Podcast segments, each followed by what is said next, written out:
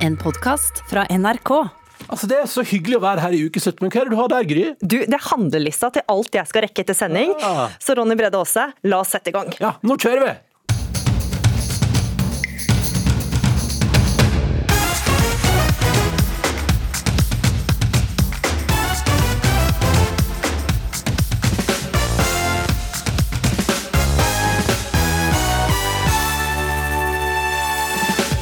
Henger bunadsskjorta ferdigstrøket over nypussa sko allerede, eller mangler du det meste til 17. mai? I dag er siste frist før butikkene stenger. Tidsoptimisten og kontrollfriken møtes i ukeslutt. Come on. Now.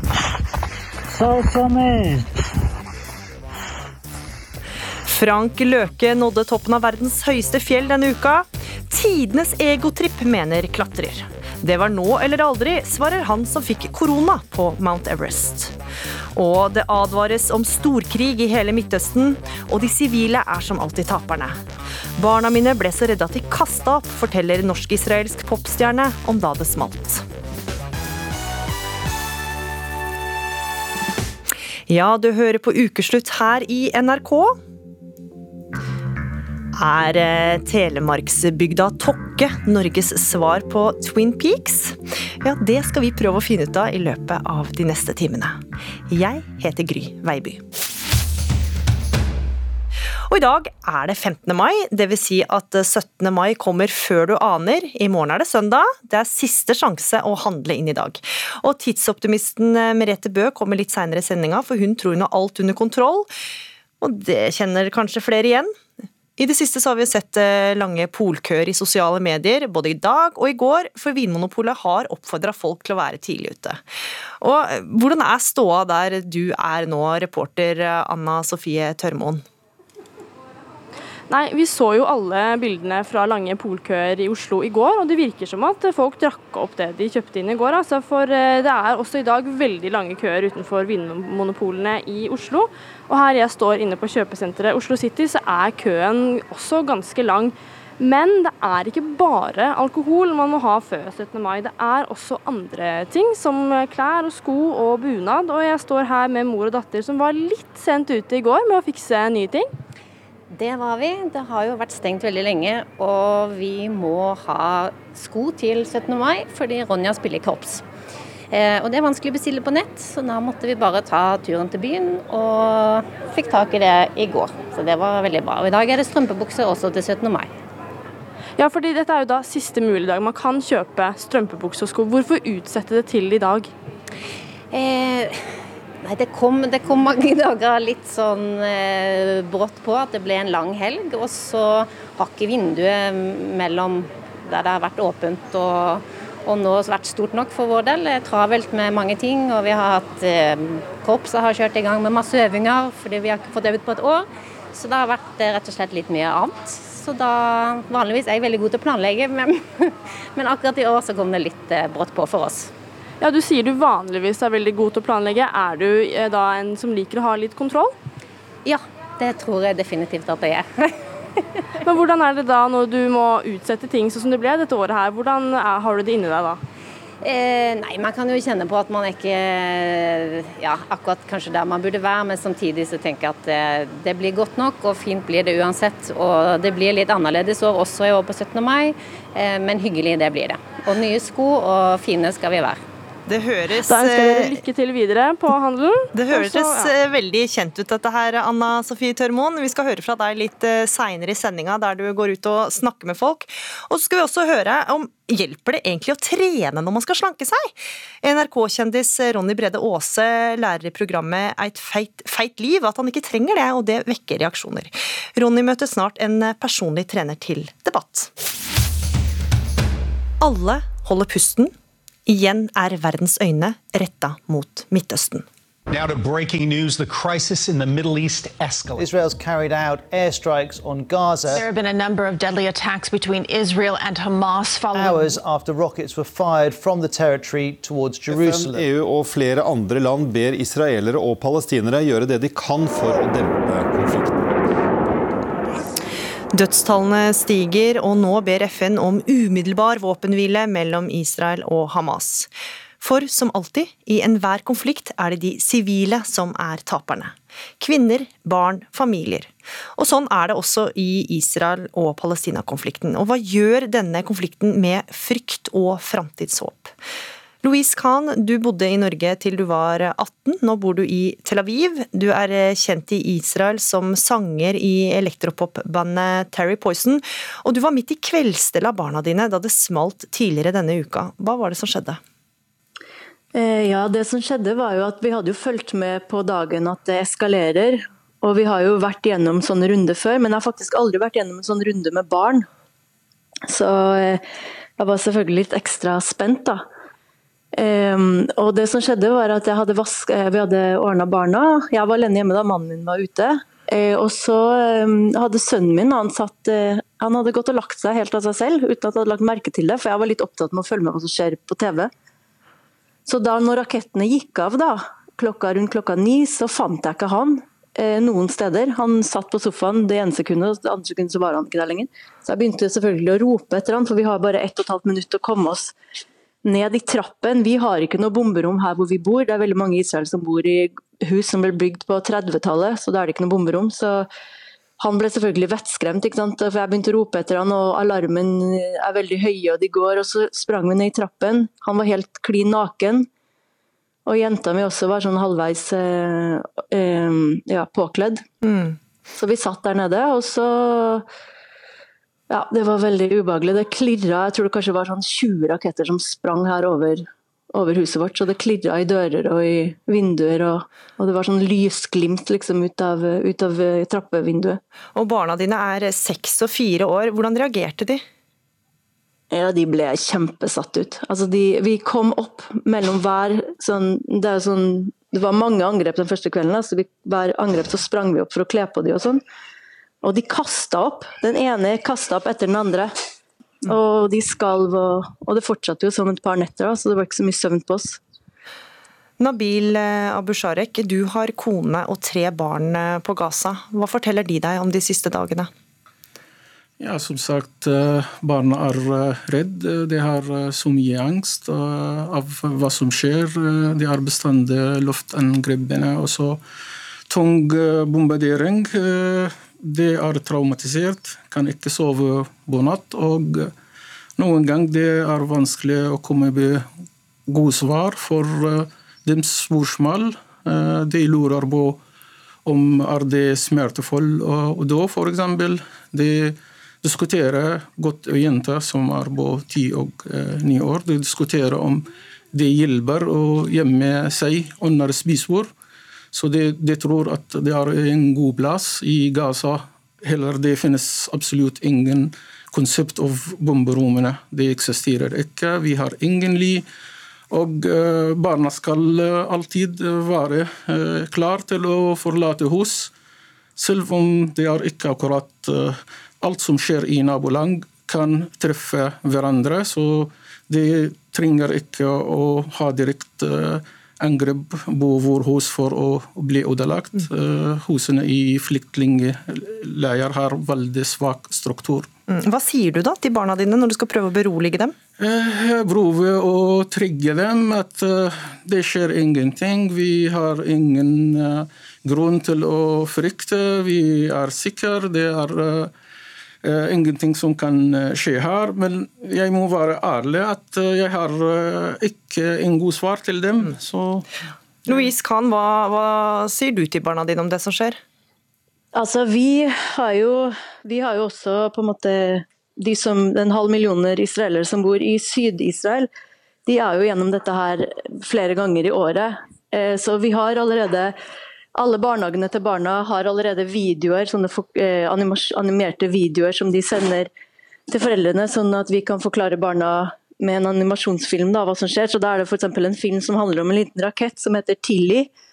Som det er på en måte Til, til på hebraisk betyr rakett, og, da, og den Tilly da, det er den antimissilsystemet som vi har, som kalles Iron Dome.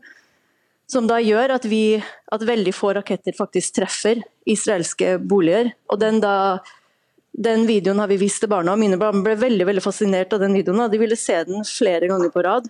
Jeg tror kanskje de har sett den sånn 100 ganger. Spesielt når det begynte å gå mot kvelden. Da var det sånn, kan ikke vi få se den videoen igjen? Som, om Tilly, og han har en stor familie og bla, bla, bla.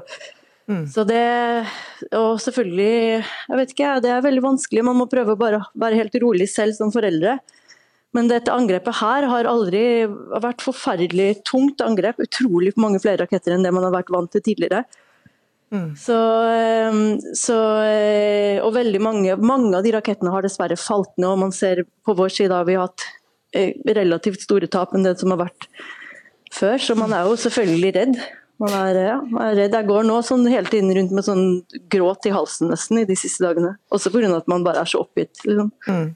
Louise Khan, du er eh, mor. Nabil eh, Abusharek, du er far. Hvilke håp eh, har dere for barna deres og framtida, Nabil?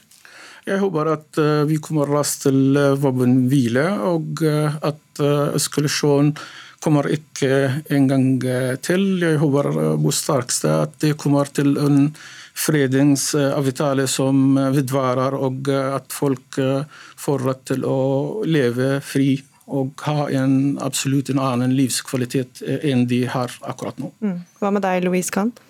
Ja, jeg kan si meg veldig enig i mange av de tingene Nabil sa. Mm. Altså, det, man, det er en utrolig vanskelig og håpløs situasjon.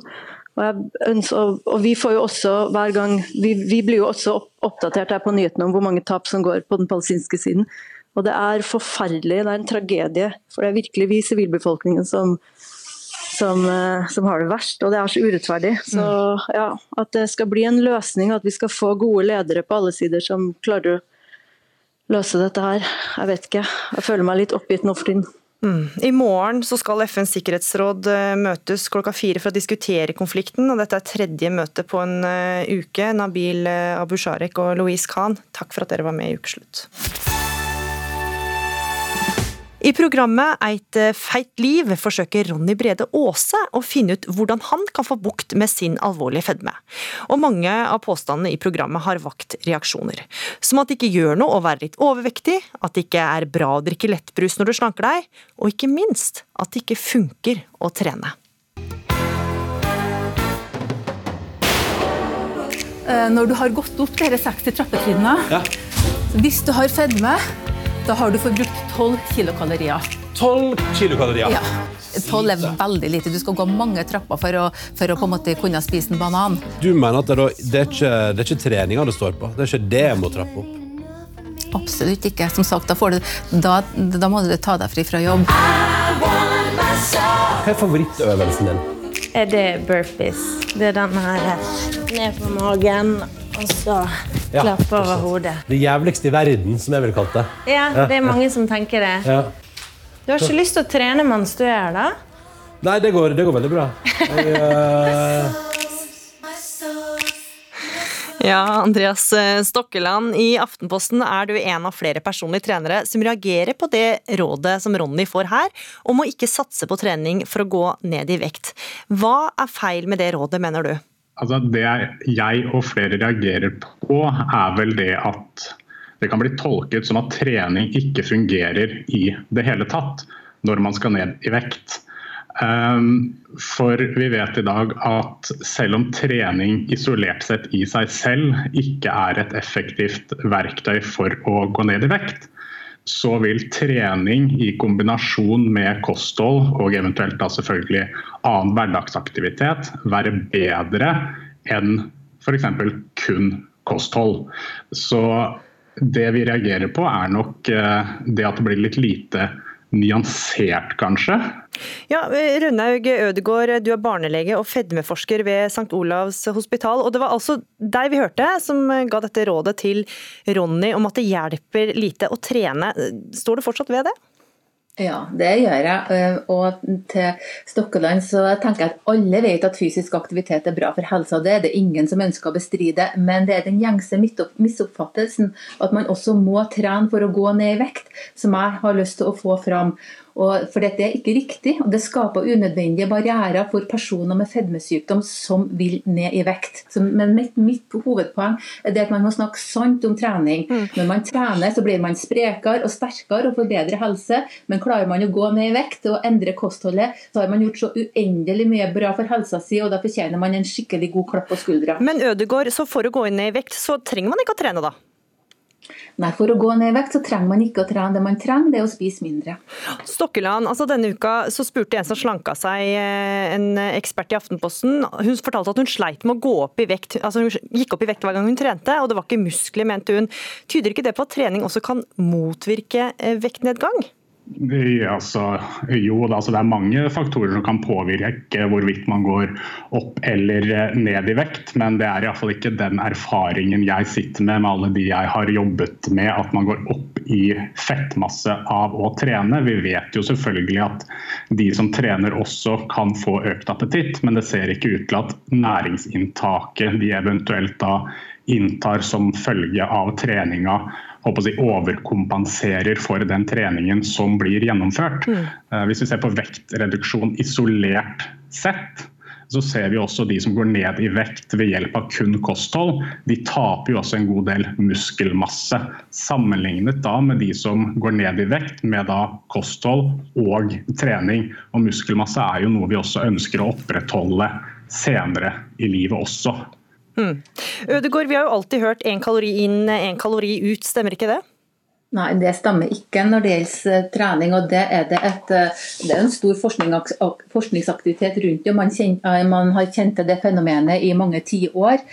Og eh, det man eh, er uenig i den, eh, det Stokkeland sier om at trening er en god metode for å klare å få til å endre matinntak. Det er heller tvert imot at, at, at denne kompensasjonsmekanismen som inntrår, dvs. Si at man, når man trener, så får man faktisk når man trener når man har fedme, så får man ikke det kaloritapet som man ville ha forventa at man skulle oppnå.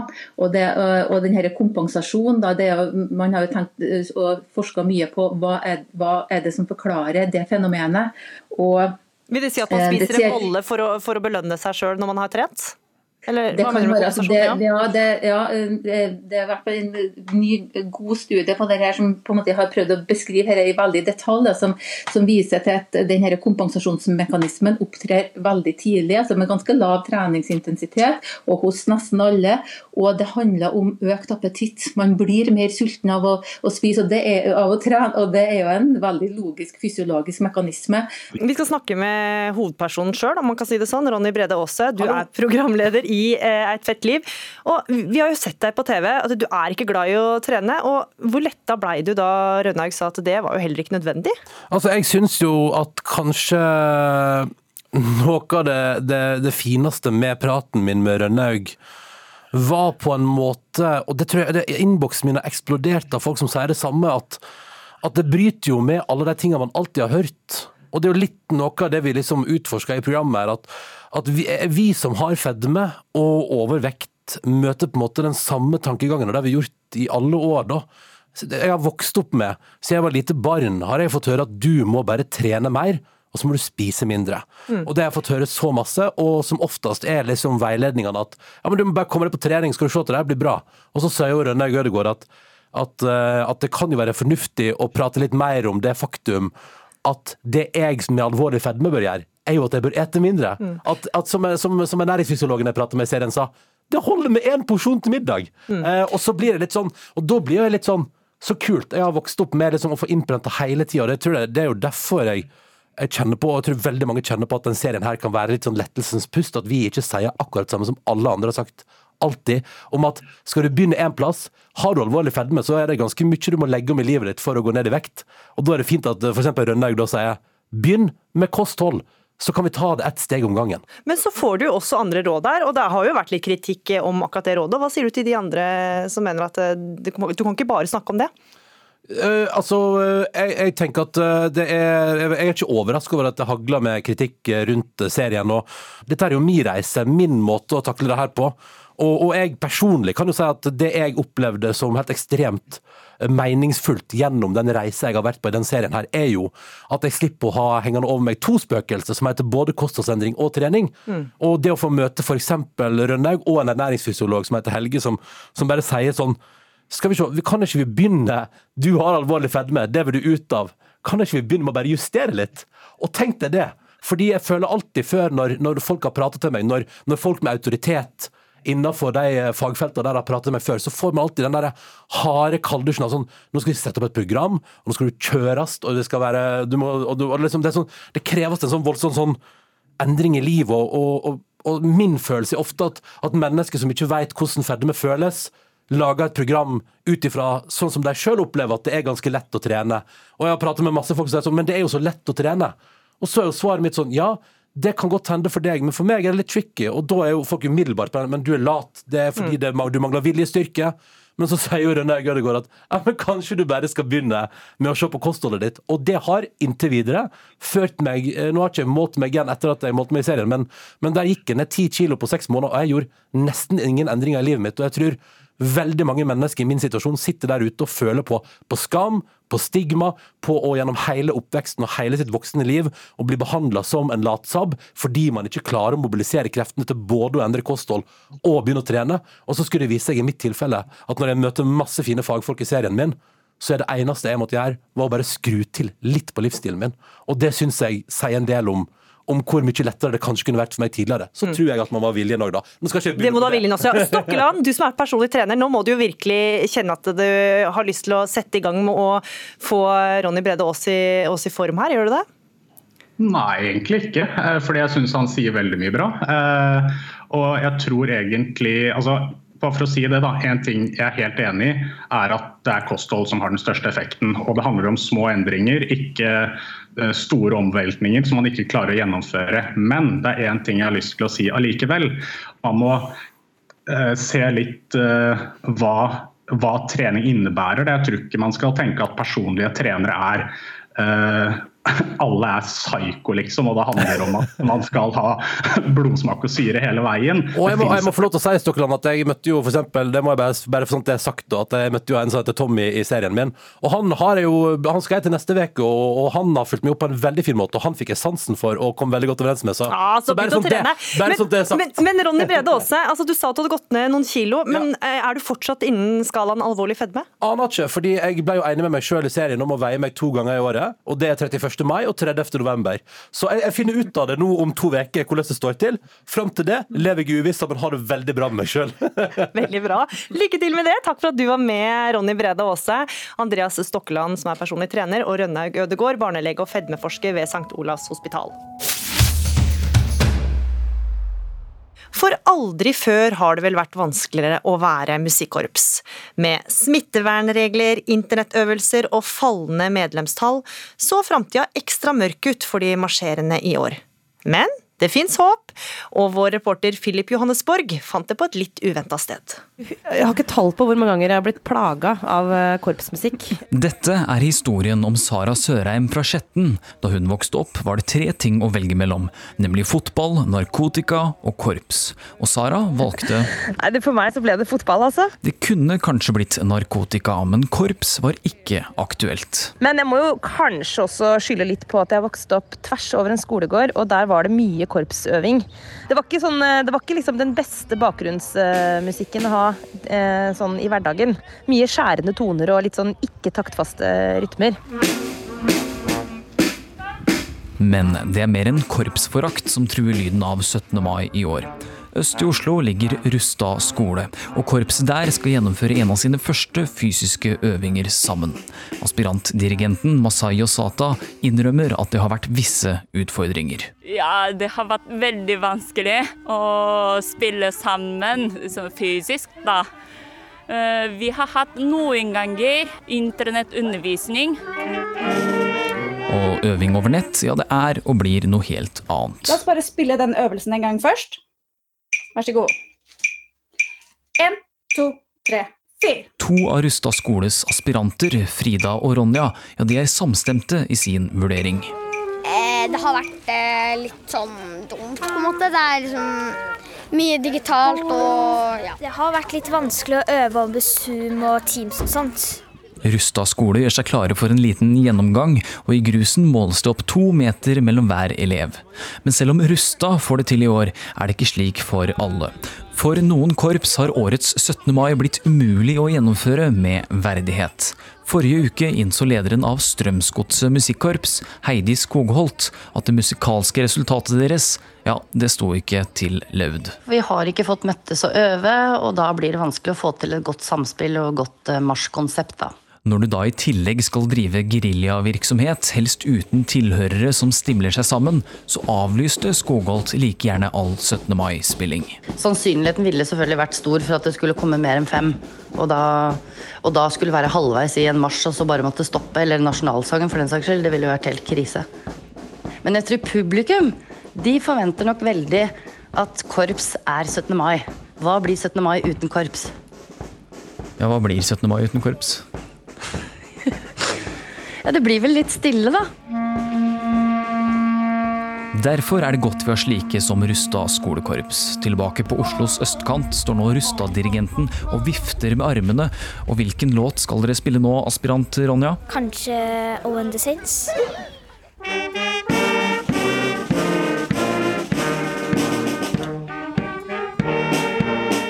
Ifølge Norges Musikkorpsforbund har 3000 medlemmer forsvunnet i koronaåret. Og det bekymrer kulturminister Abid Raja. Ja, det gjør det faktisk. 3000 er jo et uh, høyt tall. Og korpsene lever jo selvfølgelig av aktivitet. Uh, og når aktiviteten uteblir, man ikke kan uh, trene som normalt, marsjere som normalt, glede seg selv og andre som normalt, så er det klart at frafallet også, også kommer. En skulle kanskje tro at nedgangen i antall korpsentusiaster ville glede Sara Sørheim. Du vet, hun som hatet korps og som kom med slike uttalelser i podkasten Aftenpodden. Altså, du har ikke klart å hindre at den ene ungen din begynner i korps. Altså, det må være altså, pri én. I dag er nemlig Sara Sørheim nyhetsredaktør i Norsk Telegrambyrå, og bruker urovekkende mye tid på nettopp korps. Altså, dette, dette her er jo en slags sånn bekjennelse, det jeg kommer med nå, da. En gang i fjor kom nemlig Sara Sørheims datter hjem, og i valget mellom fotball, narkotika og korps, så hadde hun bestemt seg. Hun begynte uh, i skolekorpset. Korpsforakteren Sara Sørheim klarte ikke lenger å være trofast mot sine prinsipper. Og det ble jo begynnelsen på en slags jeg får kalle det en reise da, for meg. Som har endt opp med at jeg er jo så sinnssykt glad i dette korpset. Og til og med sitter i styret. Og tilbringer veldig mange timer hver eneste uke egentlig med å høre på disse skjønne småtassene som spiller disse nydelige tonene fra instrumentene sine. Og det er jo slik at konvertitter har det med å bli litt vel overbeviste. Listen med lovord er derfor lang. Den derre hva skal jeg si, den samlende kraften rett og slett, i det å skulle lære seg dette her sammen. Og det å få til å skape liksom, musikk sammen, det er jo helt fantastisk. Og det var jo ikke noe jeg noensinne fikk med meg da jeg satt og var tenåring på rommet mitt og surna hjemme. Og det måtte jeg på en måte oppleve gjennom min egen datter, da, før jeg skjønte det. I år skal datteren spille for første gang, og uansett hvordan været blir, så blir det fuktig. Jeg antar at jeg kommer til å bryte sammen i sånn, krampegråt eller et eller annet veldig sånn uverdig. Men at det blir en fin opplevelse, jeg, det tror jeg. Og så får alle bare som måtte observere meg på 17. mai, bare unnskylde meg. Men jeg må ta igjen for liksom 40 års uh, surhet med å, med å, bli ekstremt rørt denne 17. mai. Det er, det er, faktisk litt sånn Oksen Ferdinand-tendenser. Jeg hører meg selv nå. Men det er bedre tross alt å være litt vel rørt enn litt vel sur. Er det ikke det? Ja, hvordan ligger du an med 17. mai-forberedelsene nå? Flere har nemlig advart mot å utsette alt til siste liten, nemlig i dag, for å unngå kø og smittefare. Og litt tidligere i sendinga så hørte vi mor og datter som var ute og handla inn det siste til nasjonaldagen. Og reporter Anna Sofie Tørmoen, du er med oss nå fra Polkø. Eh, tror du de siste i køen nå rekker å kjøpe vin før det stenger, eller hvordan ser det ut der du er? Køen utenfor det bilmonopolet jeg står utenfor nå, den er ganske lang, men jeg står her med Magnus og Bård, og de har stått her i 50 minutter. Og nå er de like rundt hjørnet for å komme inn, så det ser ut som at de som står bakerst i køen kan eh, komme seg inn, altså. Hvis de har god margin. Eh, og Magnus, eh, hvorfor har du ventet til absolutt siste liten før du gikk på polet? Nei, Vi har jo gjort som mange andre, da, og utsette til siste liten. Og det er jo bare fordi ja, vi er dårlige på å planlegge, da. Så nå har vi jo endt opp nesten på slutten av køen, heldigvis, og så er jeg jo snart framme. Er du en liten tidsoptimist? Jeg er ikke det, men jeg bor i lag med to andre som kanskje er det. Blir du påvirket av de, da, siden du står her i dag? Ja, jeg skal ikke dra dem helt under bussen, da. Men eh, kanskje. Jeg skal, jeg skal påstå at jeg er ganske flink vanligvis på å holde tida mi, liksom. Bortsett fra alkohol, er det noe annet du mangler til 17. mai? Faktisk ikke. Bunaden er på plass. eh, Alt penstas. Nå mangler vi bare drikke. Så dette er det aller siste som gjenstår nå. Ja, som vanlig. Hva med deg, Bård? Hvordan ligger du an, bortsett fra alkohol? Alt er egentlig eh, bra. Vi driver og planlegger litt sånn eh, hva vi skal finne på. Det blir egentlig bare guttene i kollektivet nå som det, ting er som det er. Så det blir eh, koselig, det. Ingen tvil om at de er dedikerte, som har stått så lenge i kø. Reporter Anna Sofie Tørmoen, eh, takk for at du må være med i denne omgang. Vi hører fra deg litt seinere. Og vi skal til verdens høyeste fjell, vi nå, nemlig Mount Everest. Og vi skal helt til topps. Come on. Now we're South Summit.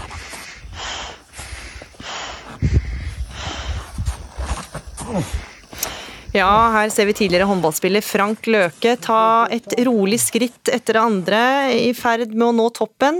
Han har på seg pustemaske og rød bobledress med norske flagg. Og denne ferden er blitt behørig dekka i sosiale medier. Og Jon Gangdal, du er fjellklatrer og forfatter. Frank Løke fikk også satt det norske flagget på toppen av Mount Everest. Blir du stolt av å være nordmann da? Eh, dessverre ikke. Ikke nå. Eh, og det er dessverre både pga. Eh, Norge, at vi faktisk altså ikke gjør noe mer for de fattige landene under denne krisen, og også dessverre pga. Nepal, hvor det nå er skikkelig kritisk. Fjellklatrer Erlend Næss, eh, mange kjenner deg etter utallige avisoppslag etter at du ble koronasyk da du skulle bestige Mount Everest nylig. Hva sier du, blir du stolt av å se det norske flagget på toppen? Jeg vil ikke si jeg blir stolt av å se det norske flagget, det har jo vært der mange ganger før. Eh, Men eh, det er klart at jeg syns det blir litt søkt å blande, blande det med å bestige Everest med den generelle situasjonen eh, i Nepal og fattigdommen der. For du også har jo fått mye kritikk, ikke sant? Du, eh, jo, du ble også syk og måtte evakueres ut av området med helikopter, du ble innlagt på sykehus, og du ble også så dårlig at du måtte bæres de siste 100 meterne til, til helikopterne. Og mange vil jo si at det, du som rik turist tar opp av de få ressursene som finnes. Hva sier du til det, Erlend Næss? Ja, jeg kan si at eh, jeg ble jo, jeg ble jo den første som, eh, som ble koronasyk i, i Everest. Og da jeg ble flydd ned til Katmandu, så var det jo eh, god plass på, på sykehusene der. og hadde hadde, jeg lå på ett sykehus først, og valgte å forlate det. og det var, Kom på neste sykehus og fikk enerom der. og God behandling. og Det var ikke noe overfylte sykehus på det tidspunktet. Ja, Jon eh, Gangdal, hva vil du si til sånne klatrere da, som Erlend Næss og Frank Løke, som reiser litt i pandemien? Altså, Jeg skjønner jo, eh, det skal jeg være den første til å innrømme, at når man først har bestemt seg for å klatre på verdens høyeste fjell, så er man villig til å risikere veldig mye. Men jeg syns sånn som situasjonen er der nå, så er det kanskje ikke så mye akkurat de få literne med oksygen og sånt som man bruker opp, eh, og som jo ikke ville kunne vært brukt på covid-pasienter heller, for det er en annen type. Det var mer et slags bilde jeg brukte i en artikkel.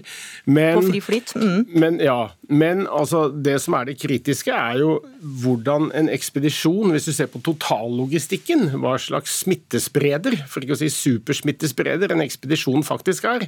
Og der nede velger jo folk bare dette pga. at de tjener penger på det. De er også mer opptatt av å dekke selvfølgelig sitt daglige frokostbord enn de er på å tenke på at de kanskje kan bli dødssyke av det. Du tenker på nepalesere? Jeg tenker på nepalesere. At en ekspedisjon jo, består jo gjerne da av det er noen internasjonale klatrere, og så er det vel da sånn ca. dobbelt så mange sherpaer som Frank Løke hadde med seg på toppen. Og så er det da et svært apparat rundt det, med bære, hjelpere, alle mulige. Og når man ser hvordan de bor, f.eks., mm. så er jo altså hygienen, altså den hygienefaktoren som vi nå skal holde, to meter avstand og vaske hendene og alt sånt noe. Jeg mener selv det verste roterommet, verste uhygieniske norske hjem, ville framstå som antiseptisk sammenligna med hvordan du ser deg. Og Derfor så er situasjonen i Nepal nå sannsynligvis verre enn India. Mm. Ja, Erlend Næss, altså vi står jo altså midt i en pandemi. Hva, hvilke tanker gjorde deg da om å reise eh, til Nepal og kanskje bidra til, at, til økt smitte? Ja.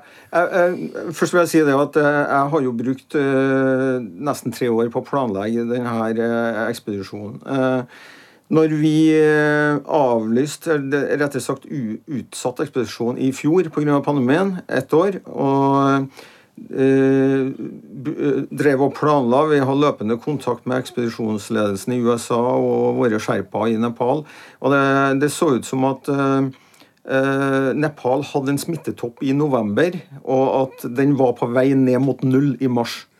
Så da jeg reiste over dit, så eh, var vårt inntrykk etter å ha undersøkt eh, at det var veldig liten smitte i Nepal, og liten risiko for å bli smitta. Og vi visste òg at vi bare skulle være i Katmandu noen få dager. og Da skulle vi være isolert på et eget Eh, hotell, og vi skulle dra rett opp i fjellet. Etter å ha blitt testa på nytt i, på hotellet rett før vi skulle dra opp i fjellet. Så du mente både smittefaren fra dere og den andre veien ikke var så stor, men tenkte ja. du noen gang at det kunne oppfattes som litt umusikalsk å reise nå? Eh, jeg tenkte vel ikke så veldig mye på det akkurat. Eh, men det er klart at med den informasjonen og, og, og kunnskapen jeg har nå, så er det jo veldig lett å, å, å se det i ettertid. Men hvis jeg har vært i den samme situasjonen en gang til, og, og, og det har sett sånn ut som det gjorde da, så, så vil jeg nok ha, ha reist igjen. Mm. Ja, altså hvor mange av uh, bærerne, sherpaene, alle de som må forflytte seg i forbindelse med en sånn ekspedisjon, hvor mange av de ble testet? Ja, Mi du skal få slippe å svare på det, Erlendnes, for det, eh, vi kan ta det som et retorisk spørsmål. Men Jon Gangdal, altså, det er jo også et fattig land, og ekspedisjoner betyr jo også jobb til eh, mange, til lokalsamfunn. Er det ikke viktigere at folk tross alt får råd til mat, enn at de kan risikere å bli smitta?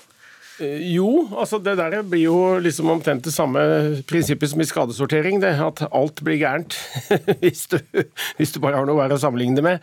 Eller bra hvis du har noe å sammenligne med. Mitt poeng er at eh, jeg tror at eh, hvis man nå brydde seg så mye om de fattige folkene, og det skulle være grunnen til å dra på dette, så hadde man kanskje heller betalt inn alle ekspedisjonskostnadene nå, da, og så hadde man ventet med å dra til et år eller to, eller når, når denne pandemien. Det har jeg selv gjort.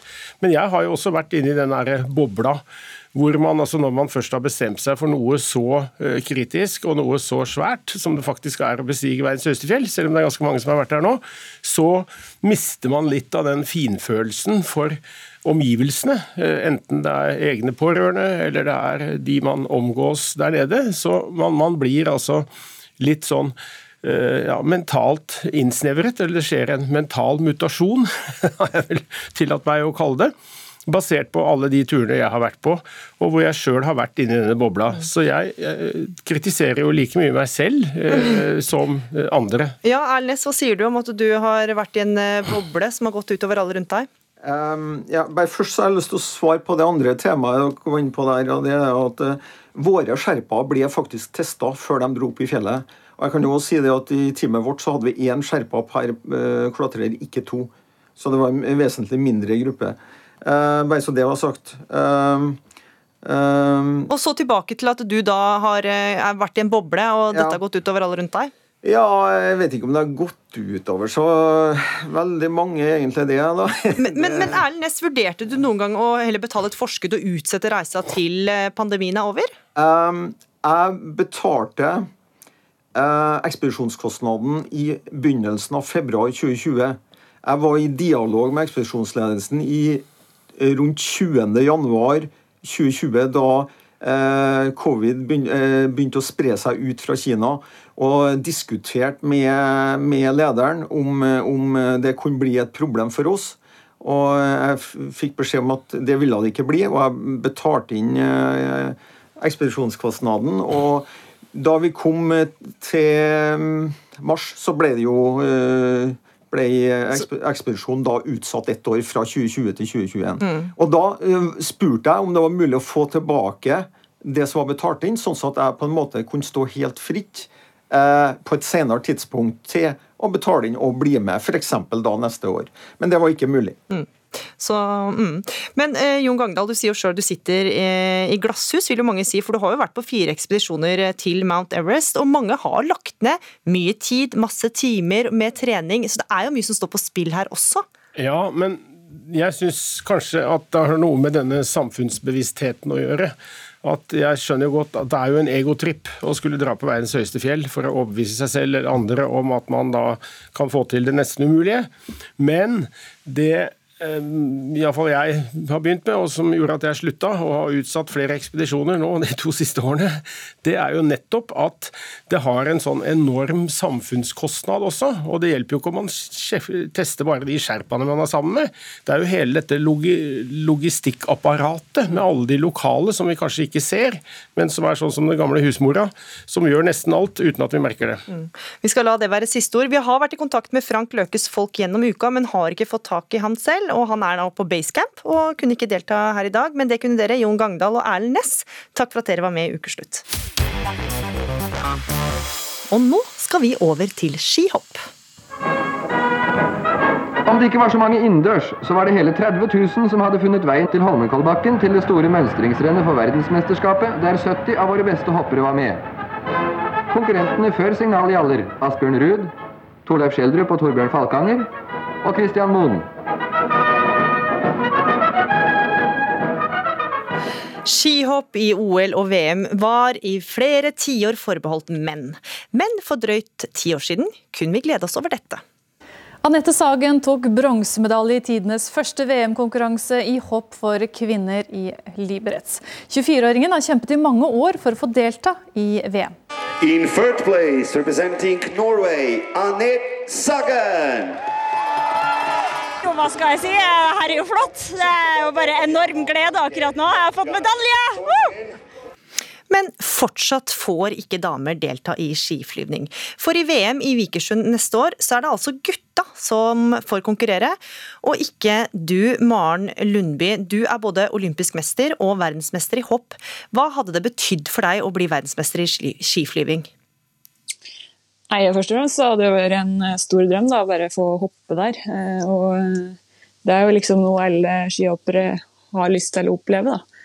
Og det å få prøve seg der og faktisk ha muligheten til å hoppe helt ned mot 250 meter, da, hvis du er så heldig å skulle få til det. Så det, det er på en måte den drømmen der da, som vi har veldig lyst til, men som ikke akkurat nå har muligheten til, siden, jeg vi ikke får konkurrere der. Da. Nei, og Da må du forklare, Maren Lundby, for oss som da ikke følger sportsverden slavisk eller er helt inni den.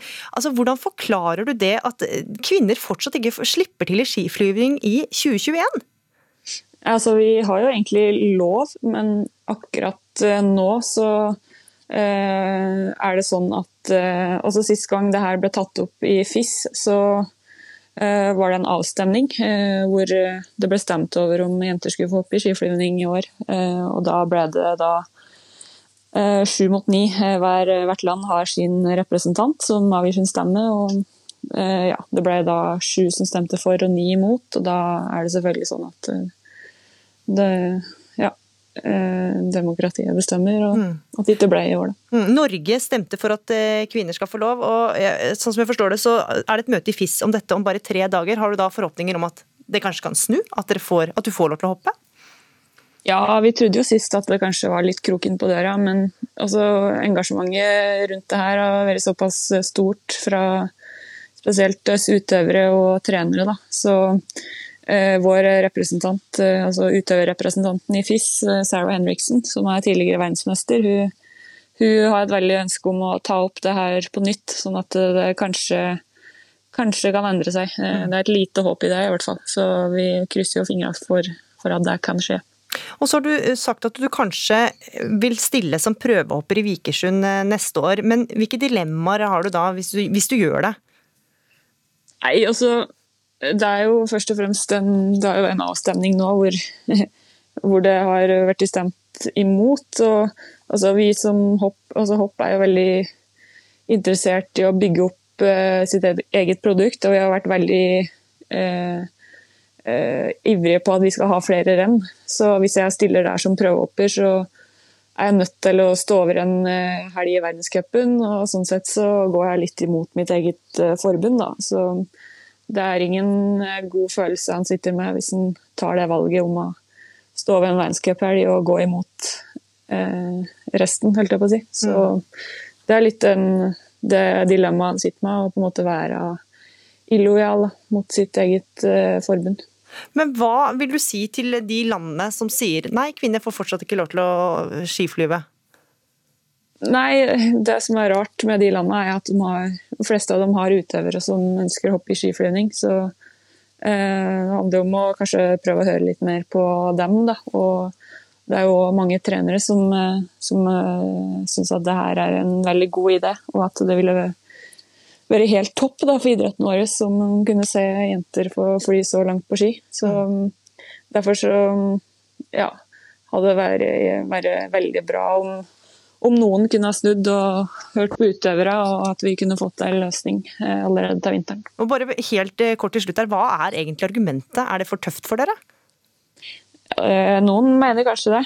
Og det er, det er jo en risiko vi har sett utfor der, men jeg er helt sikker på at i hvert fall 20-30 stykker fint kunne satt utfor der med, ja, med god margin. Så og det er jo veldig mange som har sagt at de, de er villige til å hoppe, mm. over 20 stykker. Så det fins ingen gode argumenter, sånn spør du meg, da. Nei, vi får håpe 2021 innhenter eh, FIS, sånn at du kan eh, delta i skiflyvning i din hoppkarriere, og det veldig snart. Takk for at du var med i Ukeslutt, skihopper Maren Lundby. Nå skal vi til idylliske Tokke i Telemark. På fjellet så har jeg bygd flere fotoskjul for kongeørn. Okay. Eh, og så var det vel i titida. Så kom det ei ørn som satt borti det store treet som du kaller Sinsenkrysset. Ja. Og så fløy han rett ned der åta lå. Ja, her eh, hørte du fra serien Fotobonden som gikk eh, her på NRK. For til Tokke i Telemark flytta nemlig Jostein Hellevik og starta med fototurisme, og gjorde både seg og kommunen kjent gjennom denne serien. Nå tar han et oppgjør med det han omtaler som bygdedyret, etter flere år med trakassering, sabotasje og sosial utfrysing. Han beskriver det som en bisarr følelse av å leve i TV-serien Twin Peaks. Bygdedyret liker nemlig ikke at Hellevik legger ut åte til ørn for at turister skal fotografere dem. Og Jostein Hellevik, konkret, hva er det dere er lei av? Vi er lei av den evig lange konflikten som vi har med enkelte fra sauenæringa og eh, jegere, som vi kanskje kan kalle for eh, som driver med smale, sinte øyer. Ofte så er de fulle med veldig arroganse. Og Det er viktig for oss å understreke at dette dreier seg ikke om alle bønder, ikke alle jegere. Langt, langt derifra. Men det er ei gruppe mennesker som kjører på år etter år etter år etter år ustanselig for å lage det så surt som mulig for oss her, og aller helst få oss til å slutte med det vi holder på med. Ja, for du, Det er altså da som å leve i TV-serien Twin Peaks. og Hva konkret er det dere har opplevd? Altså, Det er så mye. Jeg skriver jo en historie om dette her nå på Facebook, og jeg har jo bare begynt på begynnelsen, da, men det er liksom enten det dreier seg om piss og avføring i fotoskjul, eller folk som skyter fra lien, eller skremte hester og unger som griner og fortvilte foreldre, så er alt dette er jo stikk i strid med vårt produkt. Vi selger jo gode opplevelser i Tokke. Og vi lever jo av, av store smil og, og, at folk ønsker å komme tilbake igjen. Mm. Og Det er ikke vanskelig, for Tokke er jo den fineste plassen som finnes. Men det er dette her jeg vet ikke hva jeg skal kalle det. Det er omtrent som å kjøre båt, og så har du dreggen slepende bak deg. Det napper og nykker ustanselig. Så det er liksom den tidsepoken i dette her, at det ikke går an å se på alle de åra som har gått, at eh, den driften vi driver med er positiv for dere. Mm. Utelukkende positive. Mm. Og Du forteller her altså om eh, avføring, og i innlegget ditt så skriver du også om sabotasje og nazirykter, og du snakker om smale øyne. Og ordfører Jaran Felland, du er fra Senterpartiet. Hva sier du til at noen bæsjer og tisser i fotoskjulene til Hellevik? Nei, Det er eh, bare helt uakseptabelt. Det, det, skal ikke skje, og det er uh, uh, mobbing uh, det, og trakassering. Det som Jostein Hellevik her har opplevd. Um, og jeg må egentlig bare takke Jostein eh, Hellevik og Marlena Knutsen for at de reiser denne problemstillinga. Og jeg veit også at det er tungt for de å ta det opp. For det er som, eh, som Jostein sier, de er veldig glad i Tokke.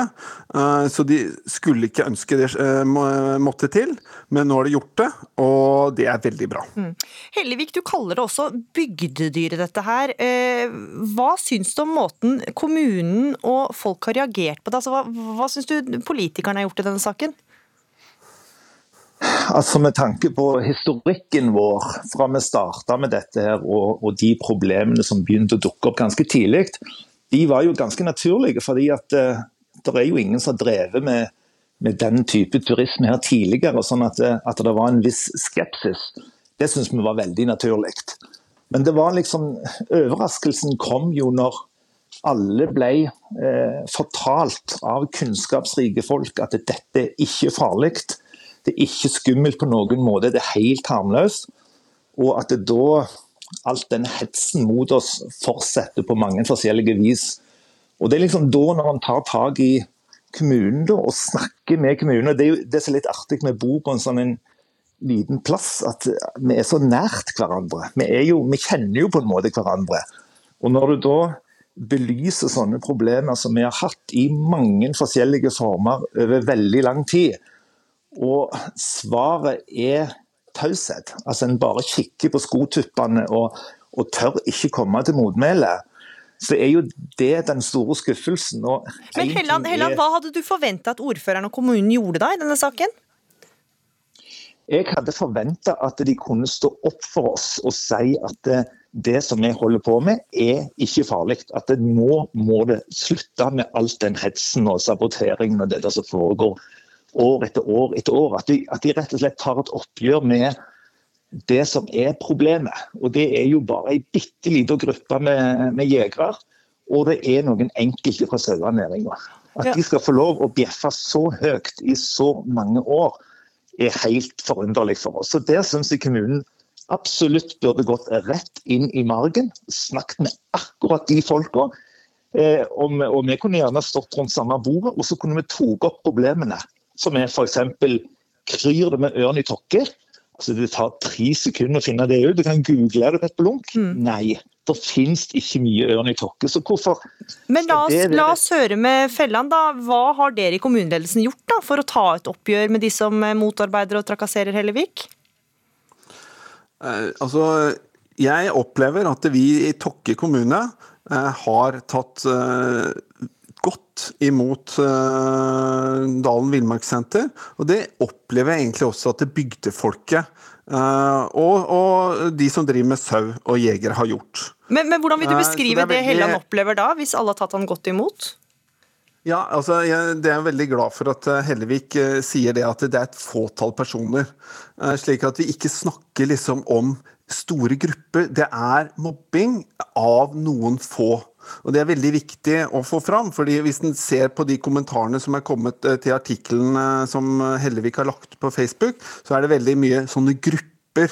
Og Vi syns det er veldig uheldig at det, det, er på en måte alle som bor på bygda, er mot Hellevik. Alle som er jegere, er mot, og, og sauenæringa. Så skal jeg gjerne si litt om eh, hva vi i kommunen har gjort.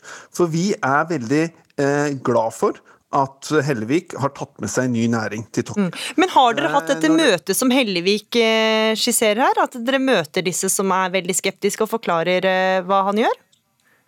Altså, når vi hadde den premiera på Fotobonden, så hadde vi da, hadde, da, viste vi første episode, og Hellevik fikk forklare litt. Og, og, jeg tok eh, i eh, min takketale som ordfører, så tok jeg særskilt opp de problema som uh, Hellevik har, uh, har, støtt på, mm. og sa at det er helt uakseptabelt. Og Hellevik, du får jo også mye støtte da, på Facebook, på, på Facebook, så uh, får du jo mange støttende kommentarer, så det viser vel at folk flest er jo på din side? Ja, i aller høyeste grad, og det er jo forståelig, da, for det skal jo ikke være det skal jo ikke være sånn som det er her. Jeg synes Det er tragisk at en liten gruppe mennesker skal styre så mye av dette. Og at vi nå står i den diskusjonen som vi gjør nå offentlig, det er jo helt unødvendig. Men, men kommer du til å flytte, Hellevik, eller skal du fortsette? Langt ifra. Tokke er verdens beste plass å bo, og her har vi kommet for å bli. altså. Så, så her blir vi. Og der er nok dere enige. Og jeg foreslår at dere tar dette møtet, eller eh, fortsetter å jobbe med denne saken. Takk for at dere var med her i Ukeslutt, Jostein Hellevik, kjent som Fotobonden, og Jaran Fellmann, ordfører i Tokke. Og Tidligere i sendinga så hørte vi vår reporter Anna Sofie Tørmoen som var i polkø og på kjøpesenteret for å rapportere om andre som er i innspurten nå før eh, nasjonaldagen eh, i overmorgen. Men Anna, du er jo sjøl heller ikke klar. Hvordan eh, ligger du an med 17. mai-forberedelsene? Nei, jeg trodde jo at jeg var helt ferdig i går da jeg storhandla, men i dag så skjønte jeg at jeg mangla litt av hvert. Så mellom slaga så har jeg kjøpt natron, til en gulrotkake som jeg skal bake, og kremost eh, til eh, glasuren, så jeg har løpt og gjort det innimellom. Eh, og så mangler jeg faktisk 17. mai-sløyfe, som jeg syns er ganske essensielt. Så jeg håper jo at det er noen igjen på butikken etterpå når jeg må løpe bort dit nå snart. Vi krysser fingrene for deg, Anna. Effektive dame. For nå er det jo bare noen få timer med åpne butikker og vinmonopol igjen før 17. mai. Og kanskje har du allerede strøket skjorta, du har pussa skoa og da kan det være noen vil karakterisere deg som en kontrollfrik. Men hvis du er en av dem som tenker at du har et hav av tid, du kan kjøpe et helt nytt antrekk, du kan finne bunadstrømper i riktig farge, og du rekker å vaske den møkkete bilen du kjører rundt i med vinterdekk, ja da er du kanskje en tidsoptimist. Og Merete Bø, der smilte du gjenkjennende. Du er vinanmelder i Dagens Næringsliv. og er en av tidsoptimistene her til lands. Hvor godt ligger du an? Har du funnet fram bunaden, eller hvordan, hvordan, er det? Nei, altså nå har jeg hatt uh, min egen mor på besøk, så hun har jo ordna litt opp i bunadsantrekkene. Uh. Men min egen bunad, den måtte jeg ordne selv, så den, ikke, den er ikke i nærheten av å tenke på ennå. Men hvem stryker skjorta di, da? Nei, da må jeg gjøre det selv, da viste det seg. For det er mammaen din som pleier å gjøre? Ja, det, har, det er vel 95 av gangene så det er hun som har gjort det, ja. Sist du var eh, med i Ukeslutt, eh, så kom du litt forsinka, og det er du tilgitt for, men vi ble litt bekymra da vi snakka med deg her om dagen, for da skulle du holde to tette foredrag på én kveld og på to forskjellige steder. Og hvorfor sier du ja til sånn halvsprekkende timeplan? Jeg har ikke nei i mitt vokabular. Altså, det er bare, jeg tenker alltid at uh, alt går. Det gikk jo, da. Jeg hadde seks minutter på en Voi mellom de to foredragene. Oi, oi. Så jeg kom liksom voiende inn på neste lokasjon, og det gikk jo fint. Og du hadde ikke hjerte i halsen? Nei, nei. Nei. nei. det, jeg er mer og mer hjerte i halsen hvis jeg vet jeg skal rekke et tog som går fra perrongen på et visst tidspunkt. For det er litt vanskelig å forholde seg til. Vi skal snakke med en av dem som kanskje er din rake motsetning. Finn sjøl, vi kjenner deg som blomsterdekoratør og TV-personlighet. Du skal på TV 2 på 17. mai, du. Hvor klart er antrekket og de matchende brillene? Alt.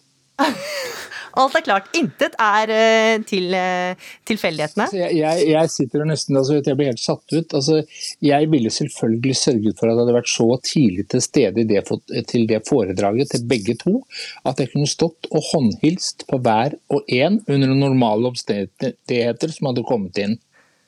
Det hadde jeg altså. For det, ja, det, er to grunner. Det ene er at da blir det personlig. Det andre er at du kan ikke snakke dritt om folk du har tatt i handa og sett inn i øya. Det går jo ikke noe for Veldig smart. Men si da, Finn sjøl, hvis, hvis, du og Merete Bø hadde hatt et, avtalt et møte, og så kom hun ti minutter for seint, eh, eh, hva ville du tenkt da? Jo, jeg ville liksom lurt hva hun ikke hadde forstått ved tidspunktet, rett og slett. Hva, hva, hva forstår man ikke ved klokken to eller klokken tre? Men klart Jeg hadde jo ventet, og jeg hadde ikke vært noe sur eller grinete da. Eh, første gangen, og ikke andre gangen, men tredje gangen så hadde jeg, så hadde, så, så hadde jeg bare avtalt en time før. liksom, eller noe sånt. Og det har vi hørt Merete Bø eh, fra dine venner er, eh, er, sant. De inviterer deg ofte en time før middagsselskapet starter. Ja, da hørte jeg senest i går at eh, jeg ble invitert en halvtime før. Så, men da kom jeg jo presist. Litt flaks. Finn sjøl, vil du kalle deg kontrollfrik, eller vil du bare si at du er mer realistisk anlagt når det gjelder tidsperspektiv? Jeg har levd liksom av jeg ville, jeg ville, vært en fiasko i jobben min hvis ikke jeg hadde forstått klokken. altså det må jeg si. For du kan ikke komme klokken fem på halv tolv stormende inn min kistedekorasjon til en begravelse. altså. Det går ikke. Så For meg så er det sånn helt utenkelig. Nei, jeg, jeg lever bra med det. altså. Jeg lever bra med å planlegge dagen min og, og klart jeg kan vri på ting. altså Planer er til for å avlyses. Men eh, jeg er ikke så veldig glad i å, å gjøre halsbrekkende øvelser, så jeg vil helst liksom puste med maven. Jeg vil tenke at det, For meg er tiden et, det er et hav som er foran meg. For, jeg vil ikke ha tiden i nakken. Altså De som er presset fremover av tiden, sånn bang, bang, bang, det, det ligger ikke for meg. Jeg må, jeg må, svømme i tiden, rett og slett. Merete, det høres ut som at du lever godt med det idet du voier inn til neste foredrag, men hender det at folk blir irriterte på deg? Å, nei, jeg velger å tro ikke det. nei, altså Jeg pleier jo stort sett veldig sånn ærlig å si, gi beskjed om at jeg kommer rett før, liksom.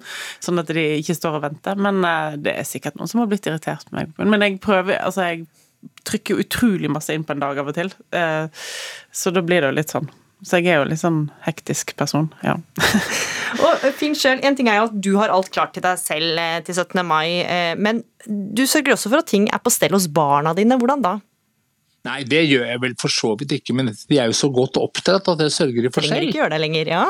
Nei, altså det, det, lærer man, men jeg er liksom på en måte sånn, jeg tenker jo sånn når det er jul og sånt, så er jeg jo engstelig for at ikke de skal ha blomster og sånt. Og nå, når datteren min nå hadde fødselsdag nå i april, så sa jeg til henne da kan du få gavekort av pappa til å kjøpe sommerblomster og sånt. Nå. Nei, da, jeg vil gjerne at det skal se, så jeg vil gjerne de skal ha det bra, jeg. Det er mer det at det går på, altså, men jeg vil jo liksom at uh, Altså, jeg, tenker at, uh, jeg tenker ikke at det har noe med fasade å gjøre, men uh, når vi først skal skinne, så skal vi da sannelig skinne. men handler det om et lite behov for kontroll, Finnskjell? Nei, det gjør det vel ikke. Det er mer, det er mer gjort i kjærlighet. Altså. Men jeg er nok sånn som har at jeg har liksom tak, jeg har grepet på det med klokka, jeg har grepet på det med tiden. Jeg gjør det på en helt annen måte enn Merete, og hun gjør det på sin måte, så det funker veldig bra på henne. Og så er hun selvfølgelig et mye mer sjarmerende menneske enn meg, så hun kan jo komme fire timer etterpå. Og så har hun tross alt noe å by på, da. Når hun skal lære folk å snakke om sprit. Du vet dette, Da kan du jo vente en månedsvis for at noen kommer. Nei, jeg liker liksom på en måte at det er eh, Jeg står opp en time før, og så legger jeg meg en time senere hvis jeg skjønner at eh, det ble for trangt. Mm. Det gjør jeg virkelig. Altså, jeg har en helt liv stått opp klokken uh, halv fem for å være på jobb før alle andre og for å ha startet dagen. For å ha dette havet av tid som du snakker om. Men, ja, som jeg elsker. Mm, Merete Bø, altså, det er jo folk som sier nei, det har jeg ikke tid til. Hva, hva tenker du da, som klarer å klemme inn så mye i løpet av et døgn? Jeg, jeg tror nesten at jeg aldri har sagt det. Hvis jeg har sagt jeg har ikke tid Eh, denne veka, men til neste uke. Mm, men andre som sier det, da? At de ikke har tid til å møte, deg, f.eks.? Nei, da blir jeg helt sånn. Det, jeg tenker, det er, Da prioriterer ikke du da. da mm. Det er bare spørsmål om prioritering. Mm. Mens du, Finn sjøl, du kanskje godtar den unnskyldninga mer hvis noen sier at de ikke har tid til å treffe deg, f.eks.? Nei, så, nei, nei. nei. Det, det, vil jeg ikke si. Altså, folk, hvis, først, eh, altså, hvis, det er sånn at ikke de har tid, rett og slett hvis det er et møte eller noe sånt, men hvis det er venner, så finner vi jo tid hvis vi syns det er det vi skal. Det gjør vi jo. Og Jeg er helt enig med, med, Merete der. Altså, det, er, at det, det er en måte, og jeg er også sånn som har veldig lite nei i munnen min, men jeg håndterer det på en helt annen måte enn henne. Mm. Det, det, merker jeg, for jeg, jeg, da, da, setter jeg heller klokka til å ringe på fire om jeg må. altså. Jeg ville ikke drømme om å Nei, men jeg ville ikke drømme om å Og jeg sjanser jo aldri med tiden. Jeg skal være i God morgen Norge om morgenen. Skulle jeg da sette meg i bilen fra, fra Åsgårdstrand, risikere det blir kø, komme inn og kanskje droppe sminken, det er helt greit, for jeg er så fin så det spiller ingen rolle. Men å ikke komme til tiden når de har sending, det ville vært helt, helt utenkelig for meg. Ja, det hører jeg på deg, at det, det får nesten pulsen til å øke bare idet du snakker om det. Du, Merete Bø, vi var jo innom eh, Vinmonopolet i stad. Det har jo vært eh, slipp om man har vært engstelig for for mye køer pga. smittesituasjonen og sånne ting. Og du er jo eh, vinanmelder i Dagens Næringsliv, og din tidsoptimisme kom kanskje godt med da Vinmonopolet slapp vårvinet to uker før planen. Hvordan løste du det? Jeg slapp eh, tre dager før planen, og da ble jeg Ja, det ble jo det ble litt mer jobbing enn det jeg hadde sett for meg. Fordi at jeg har 1200-1300 viner jeg skal smake på på litt over ei uke der. Eh, og så skal du skrive om det, og da tok Vinmonopolet vekk mine dager jeg skal skrive ut på. Så da Men da blir alle døgnets timer. Det blir, eh, går til vinsmaking, eller? Ja, ja, ja. ja. Da, det er ganske lange arbeidsveker. Da eh, presser du tre arbeidsveker inn på ei. Eh, så ja.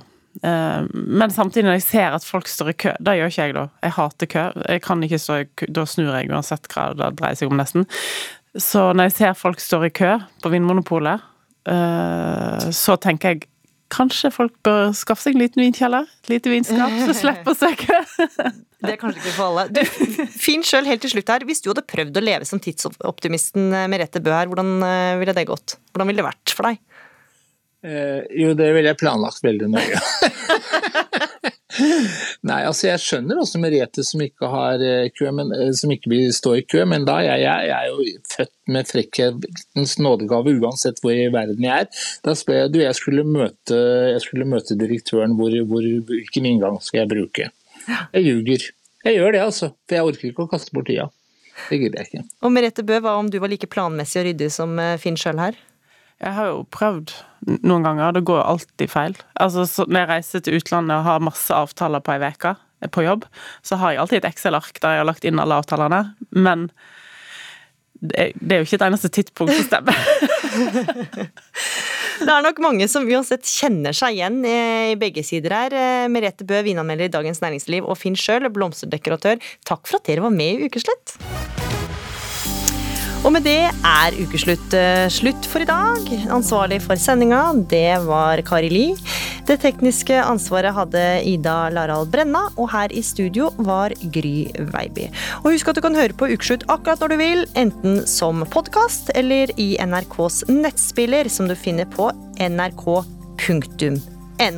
Takk for følget, og god 17. mai! Du har hørt en podkast fra NRK. Hør flere podkaster og din NRK-kanal i appen NRK Radio.